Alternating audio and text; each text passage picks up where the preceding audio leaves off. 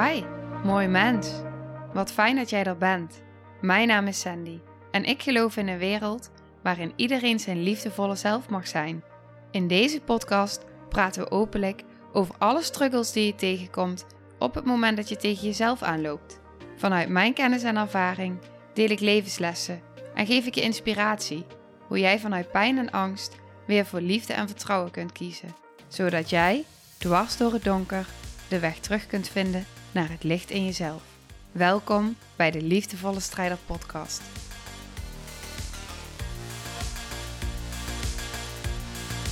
Hey, hallo. Dag lieve jij. In deze aflevering ben ik weer in gesprek met Dieneke Mulder. En wij spreken in deze aflevering qua, qua context en qua voorbeelden hebben we het heel erg over echo's en zwangerschap en eh, de processen die dat met zich meebrengt vanuit als je het vanuit meer bewustzijn bekijkt um, tegen het nou niet tegen maar in het systeem waarin we leven, waarin alles steeds meer gaat naar het medische stuk. En er heel veel waarde wordt gehecht aan alles zoveel mogelijk controleren, in de gaten houden. En vanuit eh, echt wel diepere lagen ook die daaronder zitten vanuit angstprojecties. En wat we dus in deze aflevering, we bespreken deze thema's met elkaar echt vanuit nou, omdat we allebei zwanger zijn en hoe we daar nu in zitten. En ik geloof ook dat op het moment dat je dus zelf niet zwanger bent, ehm, maar dat je nog steeds, als je op die manier luistert, heel erg veel waarde kunt halen uit deze aflevering.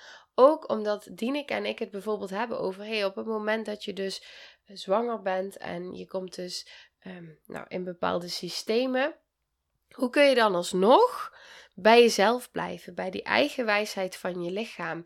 En dan zie je dus dat die thema's, die dus nu naar boven komen, dat dat ook thema's zijn die we in het dagelijks leven tegenkomen. Dus dat dat delen in ons, in, dan in angst schieten of in controle schieten. En hoe kun je dat dan dus in jezelf? We delen dus, Dieneke deelt daarin ook iets heel moois in haar reis, van hé, hey, maar nu zie ik dus bij de vorige zwangerschap dat ik dat dus op een bepaalde manier beleefde. En ik ervaar nu in deze zwangerschap dus een soortgelijke situatie. Compleet andere ervaring door de weg die je daarin hebt afgelegd. Hoe anders je dat dan dus kan ervaren. En dat het contrast dus zo ontzettend groot kan zijn. Dat je erin zit vanuit, oh maar ik voel dat ik het nodig heb om iets buiten mezelf daarin uh, mij gerust te stellen voor een moment. En nu voel ik dat ik de weg kan bewandelen vanuit de wijsheid van mijn lichaam en daarin mezelf gerust mag stellen. En daarin mag vertrouwen op mijn eigen wijsheid. En hoe verhoud je je dan als je in dat proces zit toe tot een systeem, ehm, tot, ieder allerlei situaties en mensen die je daarin tegenkomt, die er anders in staan en andere taal spreken dan de weg die jij aan het bewandelen bent. En hoe kun je dan toch bij jezelf blijven? Dus ik geloof dat als je hem echt vanuit een breder perspectief beluistert en op die manier uh, de informatie tot je neemt, dat je er super veel waarde uit kunt halen voor jezelf. En heel veel waardevolle inzichten. En dat je daar echt, als je vanuit je eigen perspectief uh, luistert, um, nou, daar ook mooie processen in jezelf in kan herkennen of kan aangaan. En uh, de, de waarde daaruit kunt halen. Oké, dan ga ik nu. Uh, ja, dan gaan we nu naar de aflevering. Ik zou zeggen, geniet ervan. Um, heel veel liefs en tot de volgende aflevering. Yes. Nou, daar zijn we weer. Daar zijn we weer. Ehm, ik ben vandaag in gesprek met Sandy en Sandy met mij. Um, we hebben al eerder een aflevering opgenomen. En die is uh, deze week. Ik moet nog even kijken trouwens wanneer deze aflevering online komt. Maar die is in de eerste week van januari online gekomen. Dus misschien heb je die al geluisterd, misschien ook niet. Uh, dan uh, zouden we je zeker aanraden om die te luisteren. En um, ja, de reden dat we deze aflevering samen maken, of in gesprek gaan met elkaar, is dat we allebei zwanger zijn. Mm -hmm. Sandy voor de derde keer inmiddels en ik voor de tweede keer. En ehm, dat het ons heel fijn leek om onze reis erin te delen. Dus de vorige aflevering die we hebben opgenomen gaat heel erg over onze, ja, hoe wij de reis naar deze zwangerschap allebei hebben beleefd en hoe dat is gegaan. Ehm, en we hebben het ook een stukje gehad over ehm, eh, keuzes maken voor je zorgverlener, voor verloskundige. En hoe we daar allebei dit keer andere keuzes in hebben gemaakt dan uh, de vorige keer. Um, en we hebben het ook een, een stukje gehad over echo's, uh, hoeveel echo's, wel of niet echo's doen. En daar heb ik iets verteld over mijn, mijn eigen verhaal. En uh, we hebben net al even gekletst met elkaar, want we zeiden de vorige aflevering is 1 uur en 20 minuten geworden. en uh, Sandy kwam met het idee om um, eigenlijk meerdere afleveringen de komende tijd te gaan opnemen, wat kortere afleveringen. We gaan ons best doen. Elke keer een thema. En het thema van deze aflevering, we gaan uh, even verder op het thema echo's. Uh, en we gaan het sowieso ook hebben over, uh, nou ja, echo's maken natuurlijk ook onderdeel uit überhaupt van, uh, volgens mij noem je dat de prenatale screenings, dus de echo's, de NIP-test, uh, het standaard bloedonderzoek. En ehm, ja, we gaan het eigenlijk hebben hoe we daar, uh, over hoe we daar keuzes in hebben gemaakt. En ik zei het al, Sandy, de vorige keer heb ik wel volgens mij verteld over welke keuzes ik, wij hebben gemaakt in welke echo's we gaan doen. Um, maar jij nog niet. Dus ik ben ook heel Mhm. benieuwd welke keuzes jij daarin hebt gemaakt, hoe je dat de vorige keer hebt gedaan en nu. Um, dus misschien kunnen we daarmee starten. Ja, zeker. Ja, ik weet dat ik de vorige keer heb ik gekozen om dan de termijn-echo te doen. Daar had ik wel al een echo voor gehad. Ja. Uh, die, die had dan weer te maken ook met, met echt wel uh, mijn eerdere ervaring van een miskraam dus. Ja. En uiteindelijk hebben we dan de 20 weken echo gehad. En op het einde best wel wat echo's, omdat ik toen naar de 42 weken toe ging. Dus toen om de dag kreeg ik een echo. Ja, als ja. ik het, ja, om de dag. Um, en ik heb tussendoor heb ik nog een stuk of drie Barrett-echo's gehad. Uh, dus ik stond er toen anders in dan nu. Ja. Ja, um, ik, ik keek er toen anders naar, want ik dacht, oh, een pret-echo, wat leuk, want dan kunnen we het kindje zien. En uh, nou, dat voelde als iets heel moois. Ja. En dat is het natuurlijk ook. En nu hebben we er dus voor gekozen om geen pret-echo's te doen, omdat ik nu ook uh, wat meer kennis daarachter heb gekregen. Ja. En de vraag is of dat de pret-echo die voor ons zo prettig is, of die voor het kindje ook zo prettig is. Ja. Want hoe is jouw bewustzijn? Mijn bewustzijn is ook heel veranderd rondom die echo's. Maar hoe is jouw bewustzijn veranderd? Nou, vooral dat. Er zitten heel veel lagen in, maar vooral ook dat bij een. Uh, bij iedere echo, en dat is dus bewezen inmiddels. Um, omdat er gebeurt natuurlijk van alles ook nou, met die apparatuur. Hmm. Um, dus, dus het staat ook in relatie tot ADHD. Uh, dat hoorde ik bij Anna voorwaal. En dat was wel iets waarop ik dacht van, oh, dat is interessant. Want ik zag altijd dat een echo gewoon... Ik zag daar niks anders achter. Uh, ik zat altijd heel erg op het gevoel van wat is de reden waarom je een echo wil doen. Ja, ja. Uh, dus daar zat ik altijd alleen maar op. Um, dus die is heel belangrijk natuurlijk om te nuanceren. Want ik had de hele tijd het vertrouwen. En ik heb op het einde best wel wat echo's gedaan, omdat uh, het ziekenhuis mij die adviseerde. Ja. En daarin ook echt wel um, dingen zei tegen mij, waardoor ik dus angst kreeg. Dat ik dacht van ja, maar dadelijk dan mis ik iets nu, omdat ik dus zo ver over tijd ben. Um, zover, zoals zij het dan zeiden. Dus dat ik dacht van ja, dan moet ik ze wel doen, want anders dan um, zie ik dadelijk iets over het hoofd. Dan is het mijn schuld, zeg maar. Ja. Uh, dus daarom heb ik toen die laatste echo's gedaan. Maar die andere echo's waren echt wel vanuit, uh, vanuit vertrouwen. Ja. Um, en ik heb toen gekozen voor de 20 weken echo, want de 13 weken echo wou ik niet. Heb ik nu ook niet gedaan. En de 20 weken echo heb ik toen heel bewust voor gekozen en is nu dezelfde reden. En dat is dat uh, bij mij in, in, de familie, bij mijn moeder, bij mijn nichtje, bij mijn oom, zit allemaal um, het, het open gehemelte, zeg maar. Oh ja. Uh, ja, dus dat, dat staat dan weer in verbinding met een open ruggetje. En zij hadden ook um, ja, een stukje van de neus, zeg maar, mee. Dus ja, echt wel geboren met ja, een hele open lip.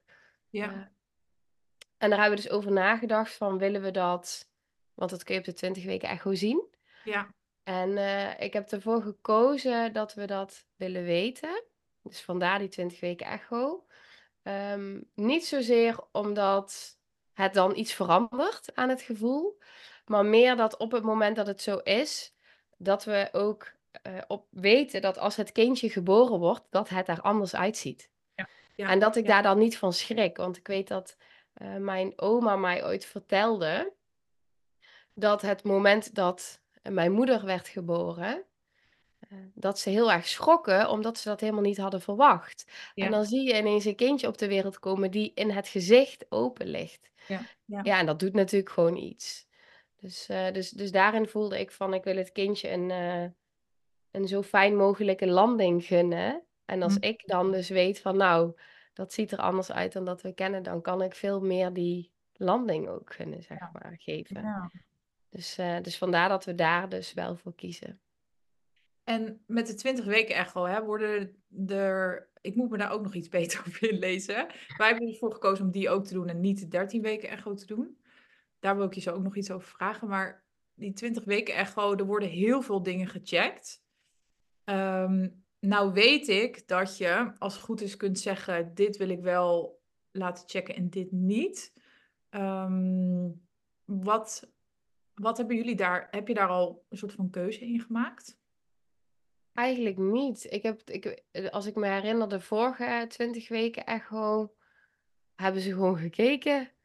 En uh, wat wij hebben, ik, ik weet dat wij heel erg um, bezig waren met naar het kindje kijken. Ja. En dat zij dus medisch aan het kijken waren. En nou ja, dat, dat ik dacht, ja, doe maar heen. En ik weet wel dat ze toen op een gegeven moment ook wel wat dingen daarover zeiden. Over hoe het dan in een lijn moet gaan en zo. Maar dat gaat bij mij altijd allemaal gewoon. Ja, het ene oor in, het andere oor uit. Dan denk ik, ja, die lijnen, het zal allemaal wel. Uh, hoe het allemaal, uh, als het allemaal een beetje. Uh, als er niks, geen ernstige dingen zijn, dan zal het allemaal wel goed zijn, Ja. zeg maar. Dus. Um, maar ik heb daar toen niet, uh, zover ik weet, niet echt herinneringen aan dat ze toen hebben gezegd: wat wil je wel of wat wil je niet daarin. Dus. Nee, volgens mij zeggen ze dat ook niet. Hmm. nee, waarschijnlijk niet. Nooit vooraf gezegd. Echt met niks van die, niet een van die checks. Er wordt ook nooit echt bijgezet. Nou, je hebt een, dus een keuze hierin. nee, precies. Oh, ja. Het programma wordt, wordt afgedraaid. Dat merk ik nu ook weer. Um, maar uh, ik, want ik heb dus nog overwogen om uh, de termijn-echo wel te doen, maar er een vitaliteitsecho van te maken. Um, dus niet de termijn te laten checken. En, um, en toen zei de verloskundige nou dat kan wel, maar dan moet je wel een echoscopist vinden die dat dan wil doen. die Hmm. bereid is om niet de termijn te berekenen. Uiteindelijk heb ik dat dus wel gedaan, dat had ik volgens mij in de vorige aflevering verteld, omdat een uh, hele goede vriendin van mij bij de bevalling aanwezig gaat zijn. Dus midden in de zomer. Ze heeft twee kinderen, die één naar de middelbare school, één naar de basisschool gaat. Dus, dus midden in de, de schoolvakantie, zeg maar, volgens mij. Uh, dus voor, voor haar en voor mezelf vind ik het dan wel fijn om een beetje te weten of ik zelf, uh, ik had hem zelf berekend, of ik in de goede richting zat. Um, maar er zijn dus wel mogelijkheden in. Het wordt je alleen niet heel proactief verteld, volgens mij. Nee, precies. Interessant. Ja. En ja. de, de 13 weken echo, hè, want die uh, bestaat nog niet zo lang. Toen ik zwanger was met Daniel, uh, dat was dus in 2019, toen bestond die nog niet. Um, waarom hebben jullie ervoor gekozen om die dus niet te doen? Uh, omdat ze op de 13 weken echo nog niet dat betreft het open gemelte konden zien. Ja. En uh, ze zeiden ook van op het moment dat we nu dingen op de 13 weken echo zien die afwijken, dan, uh, omdat het allemaal nog in onderzoek is, is het niet zeker dat het dan ook zo is in wat we zien. Toen dacht ik, ja, ja. waarom zou ik het dan, waarom zou ik dat überhaupt willen? Ja. En um, ik weet ook dat, ook met de 20 weken echo, want die is wel belangrijk, is dat ik daarin dus ook het kindje heel erg meeneem. Ja. Dus als ik die echo ga ondergaan, uh, dat ik het kindje ook echt vertel van uh, uh, wat we gaan doen, waarom we dat gaan doen. En ook daarin het kindje meeneem dat, ook al is het dus in dit geval een open gemelte, of zou er iets zijn wat er dan volgens het um, nou, afwijkt, zeg maar. Eh, dat, dat het niet uitmaakt. Dat het gewoon zo welkom is. En dat het eh, niet is om het kindje te checken: ben je goed of ben je niet goed? Of is er iets mis? Of, ehm, maar dat het gewoon altijd goed is, wat er ook uitkomt, zeg maar. Wat mooi! Ja, Nou, ik word er een beetje emotioneel van. Ik vind het heel mooi, want ik denk ook direct van, oh, dit kan ik natuurlijk ook gewoon zelf doen. ja, ja. Heel Ja, en ik denk ook als je bijvoorbeeld eh, wel voelt dat je veel echo's zou willen als vrouw. En eh, omdat het je geruststelt, zeg Ja. maar. Eh, ik, ik denk als het jou een beter gevoel geeft om meer echo's te doen. Zelfs al zou het eventueel tot ADHD of wat dan ook. Als het een beter gevoel geeft over jezelf en de zwangerschap, doe het vooral. Eh, want die is gewoon, die, die, die is nog veel belangrijker. Want het kindje voelt gewoon alles. Dus Ja. als je jezelf ergens in, nou ja, daarin veiligheid kan geven of rust, of, eh, dan geef je dat als vanzelf ook aan het kindje. Ja. En dan kun je het kindje daar ook heel erg in meenemen. Van mama doet deze echo's om deze reden. Ja.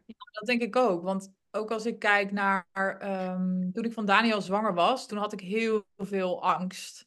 Ehm, vooral angst dat het mis zou gaan. Had, heb ik nog niet. Ik heb nog geen, ehm, eh, gelukkig, maar geen miskraam ook daarvoor niet meegemaakt en nu ook niet.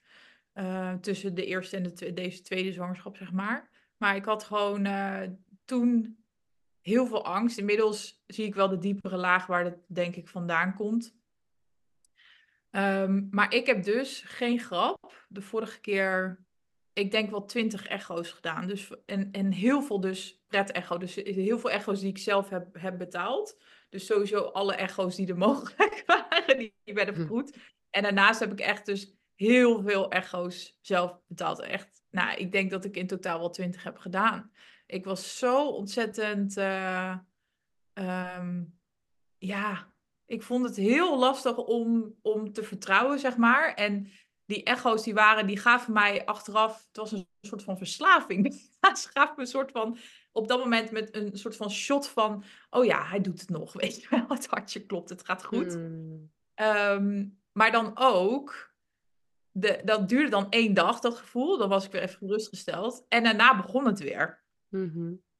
Ehm, dus, en daar heb ik wel eh, in die zin heel veel over mezelf geleerd. Want jij begon ook te vertellen over, er zitten verschillende lagen hè, aan dat hele echo-verhaal. Onder andere van, wat is de reden waarom je die echo's doet? En wat je keuze daarin ook is, ehm, dan, dan maakt denk ik niet uit. Eh, maar het heeft mij wel heel erg geholpen, deze zwangerschap. Om, eh, want ik voelde die, die soort van urge weer opkomen. ik kwam er met zes weken achter dat ik zwanger was. En, ehm, en ik voelde gelijk weer van, maar straks als het, als het, is het niet goed, weet je wel. Gelijk, dat gevoel kwam eigenlijk direct weer naar boven. Maar dit keer herkende ik het en kon ik wat meer observeren. En kon ik er wat, ja, wat anders mee doen in die zin. En ben ik meer aan de slag gegaan met, eh, eh, Ja. ja, maar waarom wil ik dan, wat gaat dan die echo mij opleveren? En, ehm, ehm, maar het is ook niet zo dat als ik nu terugkijk naar die eerste zwangerschap van Daniel en die 20 echo's die ik heb gedaan, dat ik mezelf dat heel kwalijk neem of daar heel kritisch over ben of dat, dat, dat ik nu vind dat dat eh, hele slechte keuzes waren. Nee, Ehm, dat paste gewoon heel erg bij hoe, wie ik toen was en hoe ik in het, in het leven stond, zeg maar. Ehm, maar het is wel, ik vind het wel een heel mooi proces om nu te zien ehm, dat ik dus, dat mijn eerste echo dit keer was. En dat was dus deze week pas met elf weken.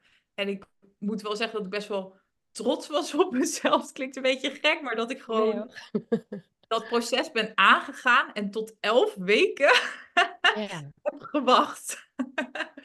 en, ehm, en ik heb ook echt wel mijn momenten gehad dat ik dacht, oh, maar wat als het niet goed zit. Maar over het algemeen dacht ik, ja, maar ik voel me gewoon hartstikke zwanger. Ik was gewoon nog steeds moe, misselijk. En ik had gewoon heel sterk het gevoel, ja, maar het zit volgens mij wel, wel goed. Ja, dit is eigenlijk zo'n mooie metafoor en wat je deelt, wat zo vergelijkbaar is met veel processen die we in het leven meemaken. Dat op het moment dat we ergens angst raken, waarin dan ook, dat er een deel van controle naar voren schiet die wil gerustgesteld worden. Ja. Maar de hele tijd blijven toegeven aan dat stukje van oké, ik ga me geruststellen in dit geval door een middel buiten mezelf, een echo. Ja, Het kan natuurlijk van alles zijn buiten jezelf. Alleen op het moment dat je dus wat jij doet, die reis nu maakt naar binnen van het herkennen, het erkennen en echt gaan vertrouwen op je eigen wijsheid en je lichaam. Daar zit zoveel heling in. En ik weet zeker dat dit eh, een patroon doorbreekt. Niet alleen eh, nu in deze, maar op zoveel meer lagen die je nog gaat terugzien in je leven. Ja. Ja, en ik denk, want ik zit ook te denken, stel dat ik, stel dat ik dit dus die eerste keer ook zo had gedaan, dan was het, denk ik, vanuit een soort van niet dienende intentie geweest. Of als ik Hmm. vorige keer bijvoorbeeld mezelf, als ik ergens had gelezen, echo's zijn slecht, je krijgt de ADD van even heel zwart-wit, hè. Ehm, want ik was altijd best wel streng voor mezelf. En als ik dan iets had gelezen, dan, dan, had ik dat, dan moest ik dat ook, vooral met betrekking tot mijn zwangerschap en zo. Dan, dan moest ik dat ook voor mezelf gelijk anders doen. Dus het, was best wel een kans geweest dat ik dat dan had gelezen. En dat ik dacht van, nee, maar ik moet nu stoppen met al die echo's. Maar dan, Ja. ehm, dan had ik het denk ik... ehm, dat is misschien een beetje het verschil vanuit een heel onveilige Ja. plek. En dan was het heel onveilig voor mij geweest. En de baby. Ja. Ehm, terwijl nu heb ik een hele reis in mijn eigen ontwikkeling gemaakt. Ja. En ehm, merk ik dat ik. de- want het was, het was niet de hele tijd makkelijk, zeg maar, om die echo pas met elf weken te doen. Het, het ging een beetje op en neer. En, ehm, en ik had ook echt wel momenten dat dat ik dus niet in dat vertrouwen zat en dat me heel erg zorgen maakte. Ehm, maar nu lukt het me beter om, denk ik, voor mezelf ehm, er te zijn, voor mezelf te zorgen. En niet vanuit een plek van, Wilskracht. ja, ja, Maar kan, vanuit een plek van, eh, van meer overgave. ja, In precies. en met alles wat het raakt. Ja, Ja, ja. Want hoe je me als eerste beschrijft, zou je hem echt inderdaad vanuit, oké, ik moet dit nu gaan doen. Dus echt vanuit overleefdelen. ja, Ehm, we gaan dit gewoon nu doen, ongeacht wat het raakt. Ja. Ehm, En dat raakt van alles. En Ja. dan zit hij zo op het moeten en wilskracht. En terwijl nu raakt hij nog steeds van alles, maar hij komt vanuit zo'n andere plek, vanuit veel meer zachtheid en zijn met wat er is. En zijn met wat er is, is niet dat er geen angst is, is ook niet dat er geen eh, spanning is. Het is er allemaal. Maar als het er mag zijn en je kan daar doorheen bewegen, op die flow, dan Ja. zit je in de overgave. ja, Ja, zo van het leven. Ja, Zo voelde het. Terwijl als ik dit... Ja, dus als ik mezelf de, soort van had gedwongen de eerste keer om die echo's Mhm. niet te doen, dan was het heel, denk ik, heel onveilig geweest voor mij en voor mijn systeem, voor mijn zenuwstelsel. Ik was er toen nog niet klaar voor of zo. Mhm. Eh, Maar ja, ik, ja, ik geloof ook weer heel erg als je naar het grotere... Alles heeft, alles heeft een, een bedoeling, zeg maar. Het loopt zoals het mag lopen. ja. Ehm, dus ik vind het ook wel iets heel moois dat hoe ik er nu in sta, is echt zo'n contrast. Zo'n ontzettend groot. Het is echt serieus zwart-wit. Het is echt zo'n contrast met hoe ik er nu in sta ten opzichte van mijn eerste zwangerschap. Ja, en dat zegt natuurlijk alles over jouw proces en jouw reis. En die reis is gewoon zo nodig om dat contrast zo te kunnen ervaren, hoeveel dit je nou brengt. Ja. Ja, echt heel mooi. Ja, dat denk ik ook. hey, en ehm, ik ben ook benieuwd, want ik heb dus deze week dus de eerste echo gehad. Nou, dat was goed. Ja. Maar ik merkte dus dat er tijdens die echo van alles werd getriggerd bij mij. en ehm, ik ben ook heel benieuwd hoe jij ehm, dit, dit ervaren hebt. Eh, maar ik, ehm, mijn eigen verloskundige praktijk, die doet geen echo's, zeg maar. Die hebben geen echoapparaat en geen... eh, ehm, ja, hoe zeg je dat? Volgens mij zijn ze Ja. Maar ze, ze doen het niet, zeg maar. Of ze, omdat de praktijk zo klein is en ze zeggen we willen liever tijd besteden aan, aan de gesprekken. Dat is ook heel fijn, want tot nu toe heb ik alleen maar gesprekken van langer dan een uur gehad. Dus het is wat meer op de relatie die ze hebben met mij als zwangere dan, dan echt de echo, zeg maar. Mooi. Ehm, dus ik moet mijn echo's bij een andere praktijk doen. Ehm, dus, uh, dus ik had uh, gewoon random een praktijk dan gekozen voor dit, dit dan wel in de buurt, zeg maar. Ik dacht, nou, dan ga ik maar voor in de buurt. Voor de, alleen de echo's, het zijn er toch maar twee. En, um, en ik merkte dat ze tijdens die echo um, ook heel erg dus het medische stuk gaan doen. Dat had ik niet echt verwacht. Dat was het ook een beetje vergeten, denk ik, van de vorige keer. Maar ze gingen dus, dus alles heel erg checken en de hersentjes en uh, um, ja, of alles erop en eraan zat. En, um, en op een gegeven moment zei ze ook, dat triggerde mij heel erg. Um, ze zei ja, en we kunnen nu soms al zien of het kindje syndroom van Down heeft. Want dan is er, ik weet niet meer, oh ja, met het neusbotje of zo. Dat blijkbaar als het neusbotje nog niet gesloten is, dan kan dat duiden op het syndroom van Down. En toen zei ze erachteraan, ja, en daar worden wij niet zo blij van. En dat, dat, zei, en dat zei ze dus een paar keer, zeg maar, tijdens die echo. En ik merkte dus dat ik me daar heel erg aan zat ergeren. Zo. Het voor mij niet uitmaakt, weet je wel. En ik Nee. merkte dat ik het opeens heel lastig vond. En dat heb ik niet de vorige keer zo ervaren, maar misschien omdat er meer bewustzijn nu op zit. Dat ik het heel lastig vond dat, nou, voor mijn gevoel was het een soort van checklist. Van oké, dit, dit is een perfect kind en dit is geen perfect kind. En als dit er is, dan is het perfect kind. En dit er is, is het geen perfect kind. Terwijl voor mij, ehm, voor mij voelt dat totaal niet zo. Kijk, als ze erachter zouden... Nou, wij doen dan niet de NIP-test. Ehm, dus in principe zouden we niet via de NIP-test erachter kunnen komen. Maar ja, eh, ik wist niet eens dat ze dit misschien wel bij een echo konden zien. Dus daar schrok ik ook een beetje van. En stel dat ze dat zien en dat vermoeden dan zou ik echt wel even moeten schakelen. Maar voor mij ehm, is mijn kind net zo perfect, zeg maar. Ook al heeft het syndroom van Down. Ja, wat er ook mee, mee dan aan de hand is, zeg maar. Ik, ik denk niet zozeer in, uh, dit, dit, uh, hier word ik niet zo blij van. Dus ik merkte dat ik dat heel moeilijk vond. Ja, dat snap ik. Ja, wat vind jij hiervan? Nou, ik merk dat ik um, vanaf het eerste moment dat je dat zegt echt ongelooflijk geraakt word. Zo, echt, um, ja, ja. Um, wat ik daarvan vind is, ik vind mensen met het syndroom van Down, die komen zoveel liefde brengen in deze wereld. Ja. Oh, het raakt me echt zo. Die komen, dat is, dat is gewoon één bal liefde. Ik heb daarmee gewerkt met die mensen. Om ze even in een hokje. Um, ja.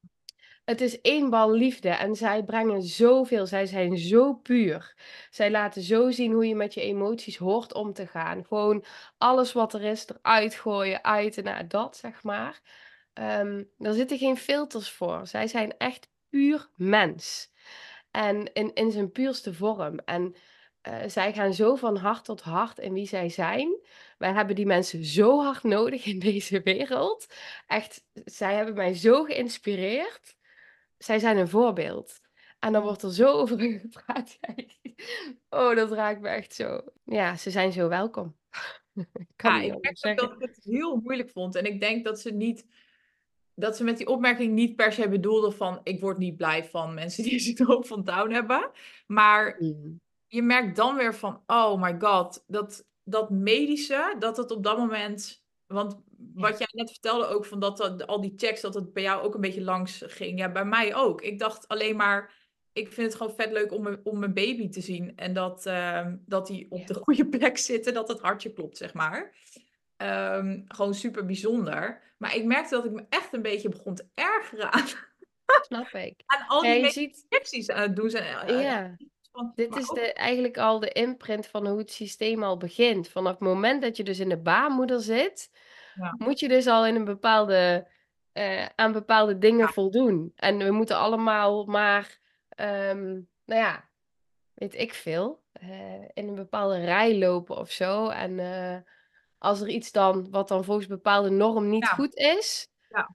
dan moeten we dat maar weg Daar worden we dan niet zo blij van. ja, da- ja, daar worden we dan niet zo blij van.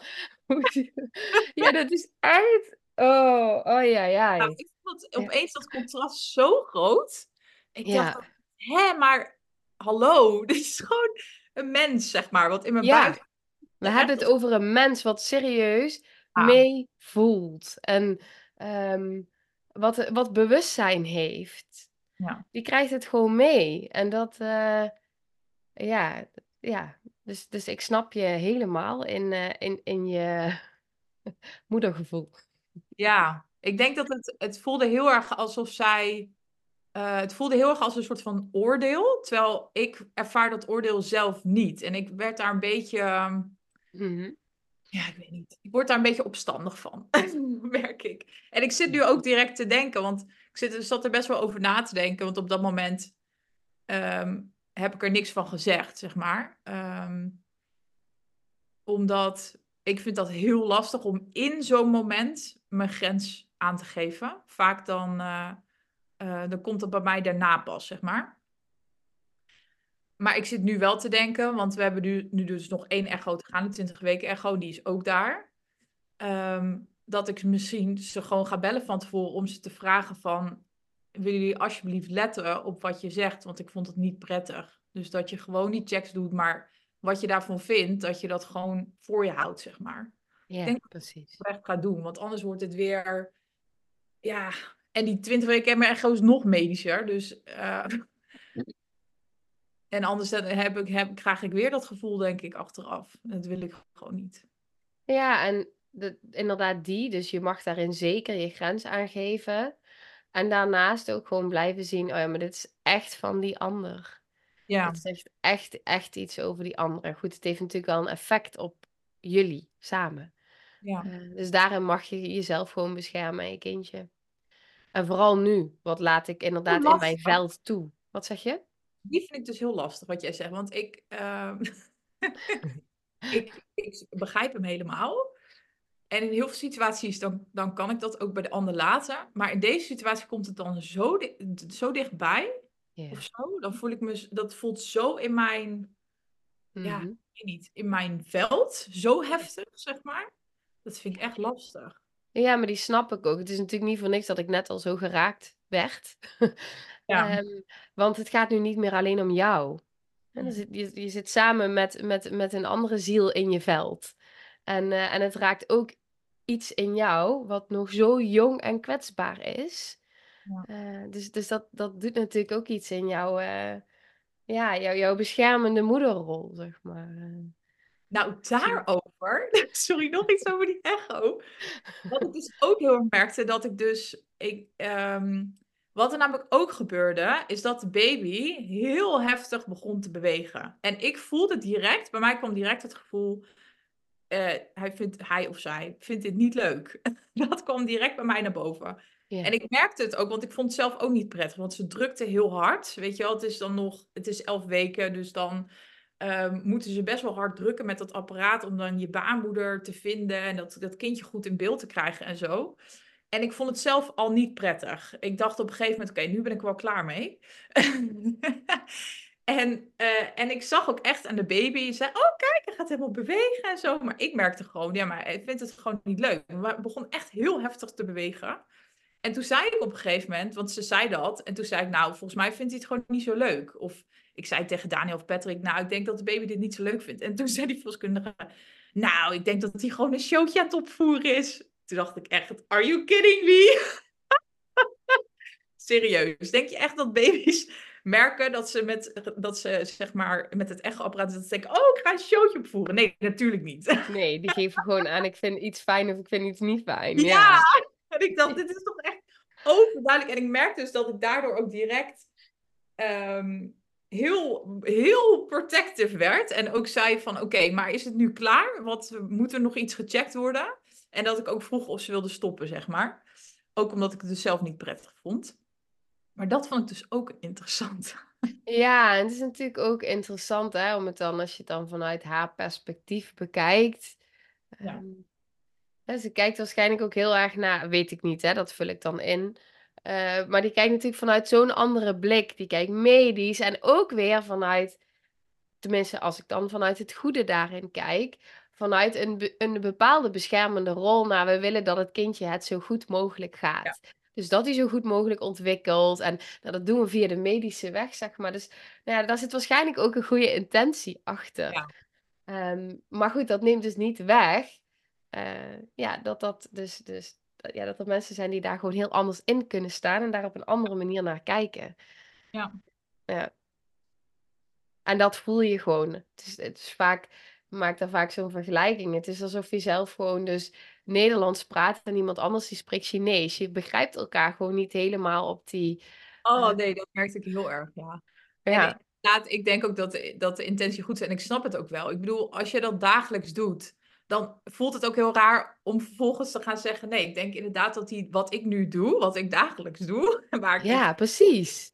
heel goed is, dat je baby dat niet zo prettig vindt. Ja, dat is heel, dat, dat zou heel raar zijn, denk ik, om uit te spreken. Ja, dat denk ik ook. En daarin, eh, als je dan zou kijken naar hoe ik dan een ideale wereld voor me zou zien, als je het medische en nou dit samen zou brengen, zeg maar, het gevoel en alles. Ehm, dat, dat, hoe zou het zijn voor zo'n echoscopiste als die inderdaad ook eh, echt naar het kindje kan kijken en ook echt voelt van hé, hey, maar ik kan ook het kindje geruststellen door te zeggen, nou, ik ga zo meteen een echo bij je doen, het kindje daar helemaal in meenemen. Hoe anders zou dat voor het kindje zijn?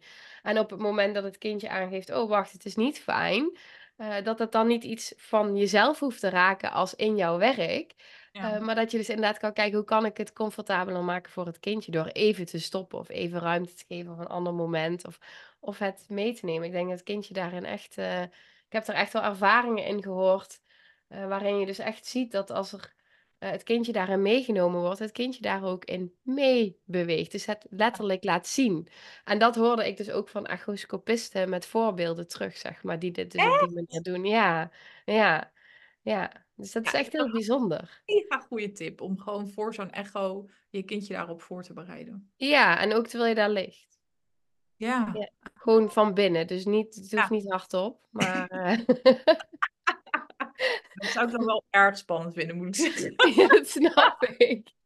Ja, ja, dat snap ik. Maar dat heb je eigenlijk al gedaan, hè? Eigenlijk heb je het al gedaan. Je hebt, je hebt hardop uitgesproken, ik denk dat hij het niet fijn vindt. En daarmee heb je eigenlijk aan het kindje laten weten, hé, hey, ik zie je. Erkenning. Ja. ja, ja, ja. Dus eigenlijk heb je dat wel gedaan. Yes! yeah.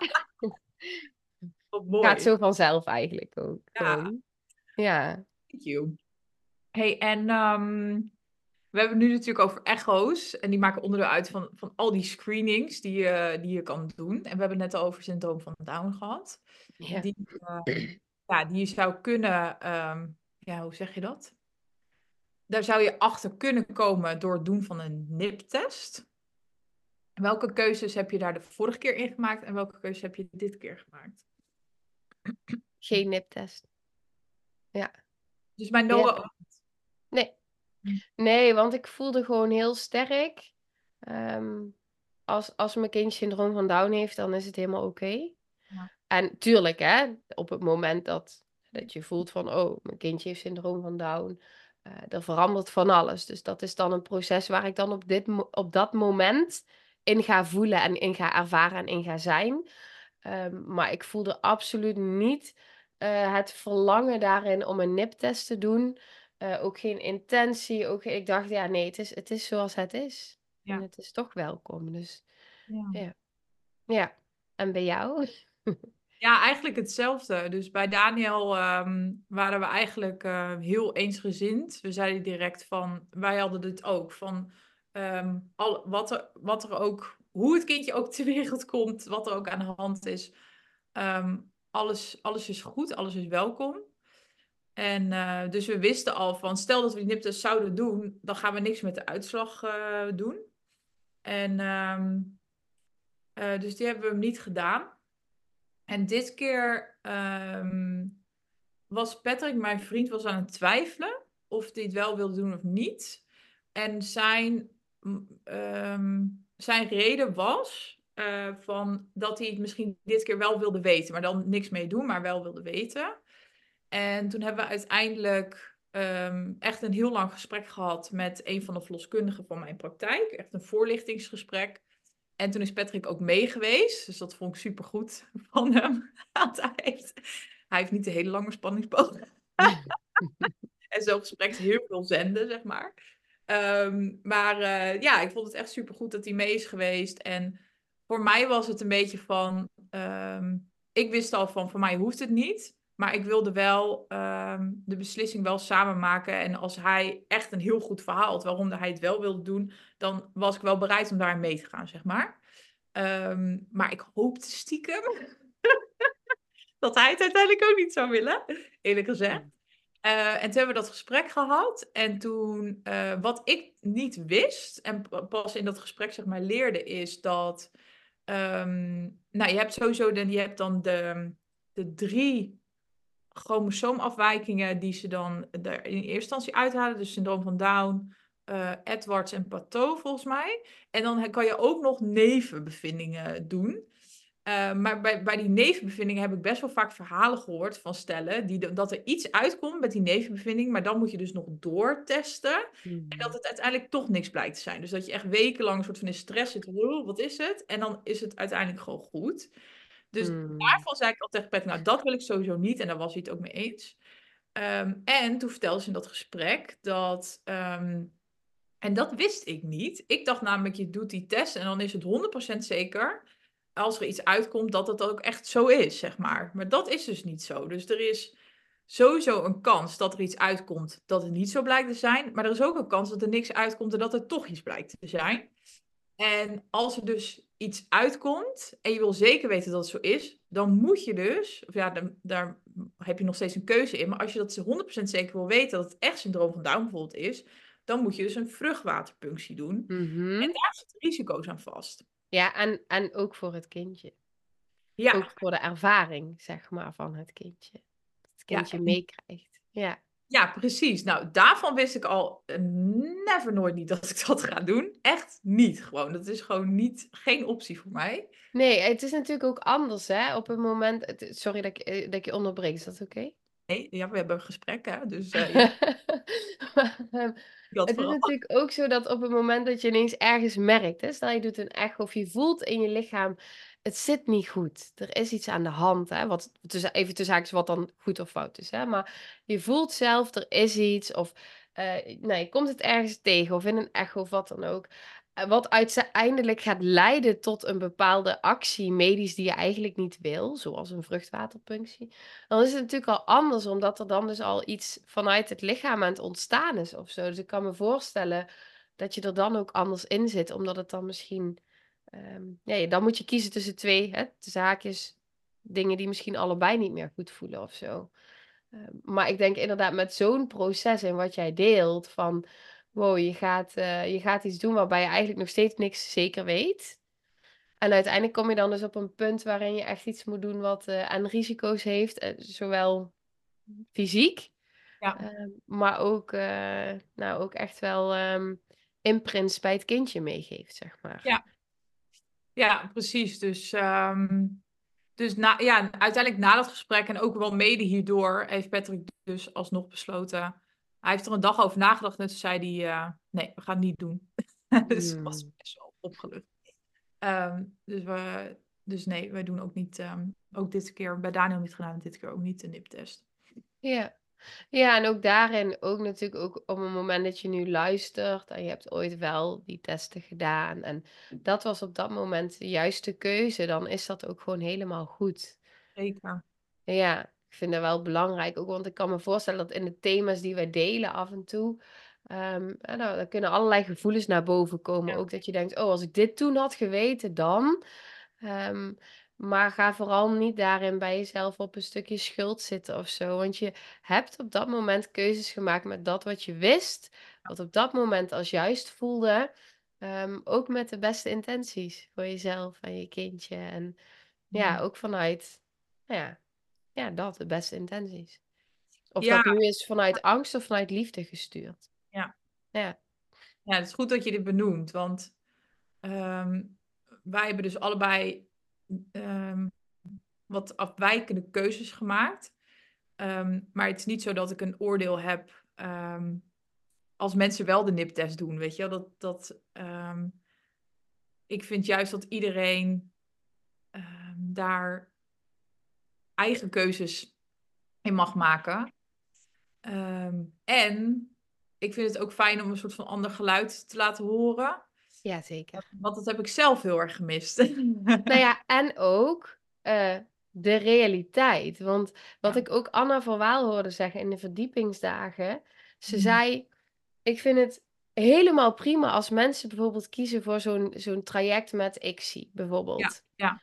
Maar alleen als mensen ook alle informatie meekrijgen wat het effect is en de risico's zijn aan zo'n traject. Zowel voor jou als moeder als voor het kindje. De lange termijn effecten, wat het kindje daarvan meekrijgt. Ehm, nou, wat, wat bijvoorbeeld al die hormoonspuiten eh, voor effect kunnen hebben.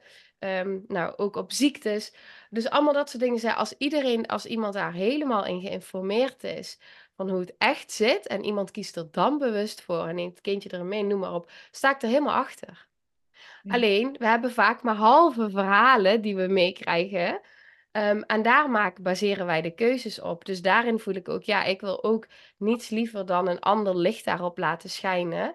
eh, en daar mijn bijdrage op die manier aan kunnen leveren. En eh, dat betekent ook dat we dingen raken bij mensen. Eh, en dat het triggerend kan zijn. Ehm, en Ja, dat, dat- mag ook. dat mis ik vaak. Ik mis vaak het holistische. Dus dat je het hele plaatje hoort. En ook dat, ook bijvoorbeeld met interventies in een bevalling, bijvoorbeeld een inleiding. Hè?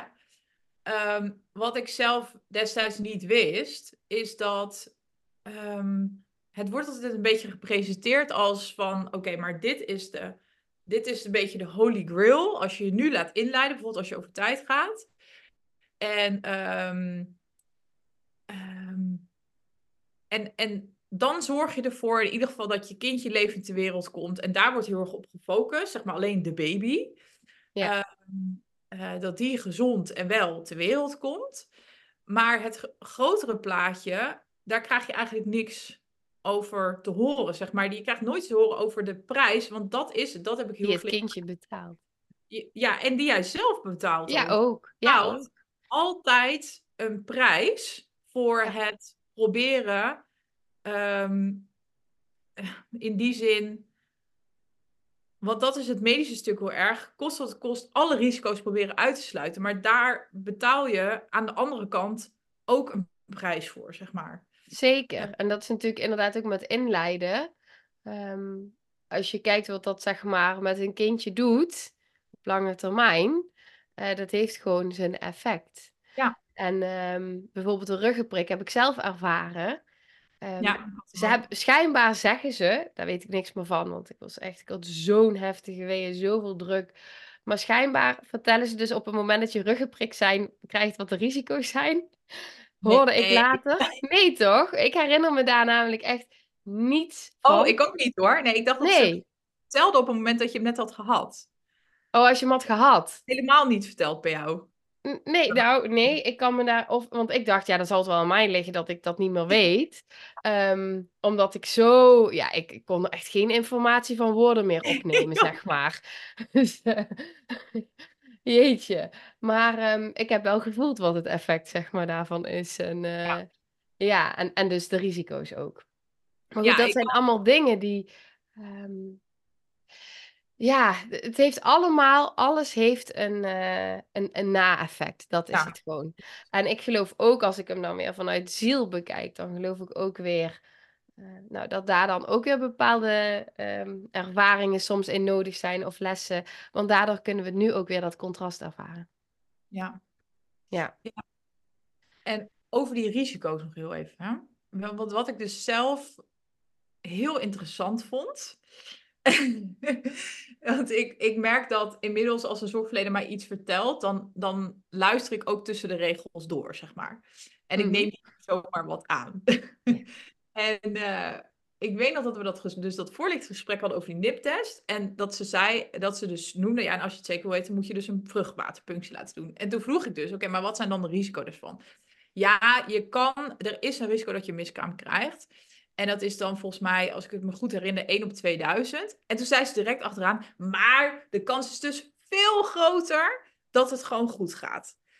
En het vond ik heel interessant, want ik heb eerder, al is dat was dan niet met haar, maar met, met een andere verloskundige, heb ik een gesprek gehad over dat ehm, ehm, als, ja, toen hadden we het toevallig over als mijn baby in een stuit zou liggen, dat ik alsnog waarschijnlijk thuis wil bevallen. Ehm, maar ik merkte dat ze daar heel zenuwachtig van werden. En heel erg, uh, dus direct op de risico's gingen zitten. En dat, ze, dat zij benoemde bijvoorbeeld dat, um, dat ze uh, eerder dat heeft meegemaakt in de thuisbevalling, dat dat heel traumatisch voor haar was, zeg maar, als verloskundige. En toen ben ik daar dus een beetje in gaan duiken. En toen las ik dus dat de kans op overlijden 1 op 2000 is bij een stuipbevalling. En misschien is dit heel mierenneukerig, maar ik vond dit zo interessant dat bij precies dezelfde getallen, dat er heel anders wordt geframed. Dus bij zo'n vruchtwaterpunctie dat er wordt gezegd, ja, maar de kans is veel groter dat je baby het overleeft. En dat als je wil thuis bevallen met een baby die in de stuit ligt, dat er onwijs wordt gefocust op eh, wat er allemaal wel niet fout kan gaan. Ik vond dat zo. Ja, nou ja, wat daar natuurlijk ook inderdaad, wat jij zegt, wat daar ook interessant in is, als je hem vanuit diepere lagen bekijkt, we nemen natuurlijk altijd onze eigen imprints mee. We gaan natuurlijk iets doen vanuit, het is ergens vanuit gestuurd, zeg maar, vanuit onze eigen ervaringen. En dat is natuurlijk wat je ook helemaal ziet in die, uh, ja, ook in geboortezorg, maar natuurlijk overal. Hè. Ik ben ook niet voor niks traumatherapeut geworden. Ja. Um, dus daar zit natuurlijk gewoon zoveel aan lage ervaring uh, onder. Dat is niet voor niets. En dat is natuurlijk ook zo. Waarom gaat iemand zoveel mogelijk risico's uitsluiten. Waarom gaat iemand in die medische wereld werken? En daar zit ook natuurlijk weer van alles wat daaronder ja. ingestuurd zit vanuit eigen ervaring. Ja. ja, en dat is, um, ik denk dat we zo krachtig kunnen zijn met elkaar als we allemaal werken vanuit dat we onze eigen stukken aankijken daarin. Dus vanuit vertrouwen en vanuit het belichamen daarvan. Ja. Um, want op het moment dat mensen vanuit angst gestuurd in een reddersrol schieten, en dat is wat ik heel veel heb gezien, uh, nou ja, op heel veel plekken, maar dus ook in de geboortezorg. Um, er zit angst onder en het, er schieten allemaal redders in, zeg maar. Um, maar vanuit daar wil je geen kindje baren. Je wil die vanuit vertrouwen en vanuit, uh, ja, ons lichaam kan dit allemaal wel. Ja. Ja. Ja, precies. Ja, maar dat neem ik dus altijd mee, inderdaad. Als ik dus uh, waar dan ook, um, nou, zo'n gesprekken, precies wat jij zegt, die meerdere lagen ook van hé, hey, maar vanuit waar zegt iemand dit? Uh, vanuit welk, want ik kan voelen bij die ander, vanuit waar komt die? Komt die vanuit angst of komt het vanuit liefde wat iemand zegt? Ja, dus wel, ik vond het voor, ook bij mezelf, mijn eigen proces, wat er direct aanging. Want ik merkte al wat er bij mij gebeurt, is dat ik Ehm, dat ik op dat moment het eerste wat er in mij opkomt, denk ik, oh ja, wat heftig. Ja, zij, uh, voor haar was dat heel traumatisch. Dus ik wil dat haar dan niet nog een keer aandoen. Dus dat ik mhm. eigenlijk direct de neiging heb om dus. Ehm, ik heb het in dat gesprek eigenlijk al heel snel gehad over. Ze zei ja, ik wil dan wel. Um, ik zou je dan wel uh, polyklinisch willen begeleiden, zeg maar. Dus dat ik merkte dat ik al best wel snel naar een soort van compromis toe ging. Terwijl dit was echt het tweede gesprek. Dus als mijn baby in een stuit ligt, dan, uh, dan gaat hij nog veel meer natuurlijk aan vooraf. Maar ik vond het echt... Gaat het over haar of over jou? Ja, over mij. Maar ik vond het verbazingwekkend hoe snel ik een soort van haar wilde... Ja. Ja, ja, hoe, hoe snel ik haar soort van wilde ontzien of zo. Ja, Snap je? precies. Ja, jij schiet natuurlijk eigen dan... aan de kant schoof. Omdat ik dacht van, oh, dit is wel heel heftig wat je dan hebt meegemaakt. En nee, dat wil ik je inderdaad niet nog een keer aandoen, weet je wel? Ja, dus uiteindelijk wordt dus haar pijn, zeg maar, zo in jullie contacten in het veld eigenlijk gezet. Um, waardoor jij als vanzelf gaat weg, uitgenodigd wordt om weg te bewegen van jou. Terwijl het gaat over jou. jou jij bent, uh, om het even heel groot te maken, koningin in dit proces. het is jouw. ja, maar het, het mag helemaal op jouw manier. Ja, dat is gewoon zo. En. Uh, Oh ja, man, maar dit is echt, dit is mijn thema. dit is mijn thema. Dat is natuurlijk ook hoe het werkt. Ja. Dit, Ja. is, dit gaat over, dit is waar ik het zelf ook heel veel over heb in mijn podcast. Dit gaat dus over ruimte innemen. Ja, mag jij bij jezelf blijven in contact met de ander? Ongeacht ehm, hè, dat de ander in pijn schiet. Maar dat, dat hoef, dat hoef- daar hoef jij niets mee. Ja, dit is echt ja, mooi. De, dat besef ik nu opeens. Dit is echt dus een voorbeeld van onvoorwaardelijk ruimte durven innemen. En, ehm, en ik vind het heel interessant om aan mezelf dus te zien en om te observeren dat dit ook bij mij, eh, dat ik ook gewoon nog steeds in oude patronen schiet. En dat het is heel grappig, want eigenlijk eh, wil ik dus ruimte innemen door als mijn baby in de stuit ligt, thuis, toch thuis te gaan bevallen. Dus een zorgkracht buiten de richtlijn. Maar de voorwaarde daarvoor is dat een, soort, dat een zorgverlener mij een soort van toestemming geeft en zegt van, oh ja, ik heb hier ook vertrouwen in, weet je wel? Hm. En dan pas mag, mag ik voor mezelf daar ruimte mee innemen. Ja. Ja. Heel interessant. Nou Ja, dit is heel interessant. Ja, die mag je even laten doorwerken, denk ik. Ja. Maar dit is het ook, hè? We zijn mens. En eh, we blijven ontdekken en we blijven ervaren. En de hele tijd komen dit soort dingen weer in onszelf tegen, waardoor we ook blijven groeien. En, en de uitnodiging bij jou is om hem om te mogen gaan draaien. Dat jij gewoon bij jezelf mag zijn, ongeacht. eh, en daar ook het recht in hebt om daar een team omheen te verzamelen die eh, veiligheid kan bieden aan jou. Ja, en dat vond ik op zich wel fijn dat ze dat benoemde. Ze zei van, maar ze zei, als dat echt jouw wens is, dan gaan we gewoon op zoek naar een zorgverlener ehm, Hmm, die, ehm, die daar ook vertrouwen in heeft, zeg maar. En dat, dat vind ik ook mooi, kwetsbaar. rot om te horen, maar ik vond het ook wel fijn dat ze dat benoemde en dat ze wel ehm, in die zin dat ze. Ik zou het heel lastig vinden als iemand zou zeggen, nou, het gaat gewoon op mijn manier en anders dan heb je gewoon pech, weet je wel, zoiets. Maar Mhm. dat wel daarin ehm meedenkt en meebeweegt en wil kijken of er een andere oplossing is. Dus eh, Ja, ze gunt jou ook gewoon jouw, eh, jouw, jouw proces daarin. Het zegt natuurlijk ook over haar dat, dat zij daar nog, nog eh, ja, er zit ook gewoon haarpijn, zeg maar, die nog, die op dat moment naar voren komt en eigenlijk ook gewoon erkend wil worden en gezien door haar. Ehm, dus, dus, dus het zou voor haar een hele mooie uitnodiging zijn om het juist aan te gaan. Alleen eh, het is mooi voor jou dat ze die, die, dat ook biedt van nou wie weet is er iemand anders. Want het is Ja. ook de vraag, stel dat zij nou zou zeggen van oké, ehm, laten we het maar doen. Ik ga het, is het dan überhaupt nog veilig voor jou? precies. Wil Ja. je iemand er dan, Ja. wil je iemand er überhaupt dan bij hebben? Ja, ja, als je daar heel eerlijk in bent naar Ja. jezelf. Ja. Dat doet, dat doet heel veel met de energie. Ja, tuurlijk. Want je voelt op, op zo'n moment, eh, of je het nou bewust voelt of niet, maar jouw traumadelen voelen haar traumadelen in het veld staan. En die zoeken elkaar op. En dat, hoeft, dat is allemaal onbewust proces. Maar dat is wat er met het lichaam wel echt gebeurt, met het energetisch lichaam. Ja. Ja, Ja, en daar reageert het fysieke lichaam op. Ja, Wat zeg je? helemaal tijdens een bevalling. Ja, ja, zo. Is echt next level. Ja, want je staat gewoon helemaal open. Ja, ja, maar dat is ook al tijdens je zwangerschap, dat je echt eh, Ja. veel meer open staat. Oké. Zijn we toe aan afronding, denk je? Ja, ik denk het wel. Wat denk jij? Ik denk het ook. Ja, volgens mij hebben we het net binnen een uur gehouden. maar toch weer een uur hierover gepraat. Ja, toch wel, ja. Ook dat het weer waardevol was.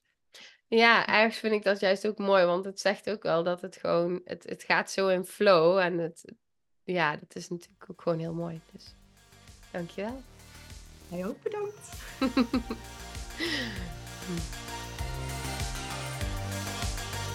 Nou, lieve mensen, ontzettend bedankt voor het luisteren. Ik ben heel benieuwd wat je van de aflevering vond en welk inzicht je eruit hebt gehaald. Mocht je nog vragen hebben of is er een onderwerp waar je meer over wilt weten, laat het me dan weten. En wie weet neem ik het mee in een van de volgende afleveringen. Als je het leuk vindt, kun je de aflevering delen. Of maak een screenshot en tag me op Instagram. Want ik vind het echt super tof om te zien wie er luistert. De link van mijn Instagram staat in de beschrijving bij de podcast. En wil je blijvend geïnspireerd worden? Klik dan op abonneer of volgen in de podcast-app waarmee je luistert. Dat zouden ik en alle toekomstige luisteraars enorm waarderen, want dat zorgt er namelijk voor dat de podcast beter gevonden wordt. Nogmaals, dankjewel voor het luisteren en heel graag tot de volgende aflevering.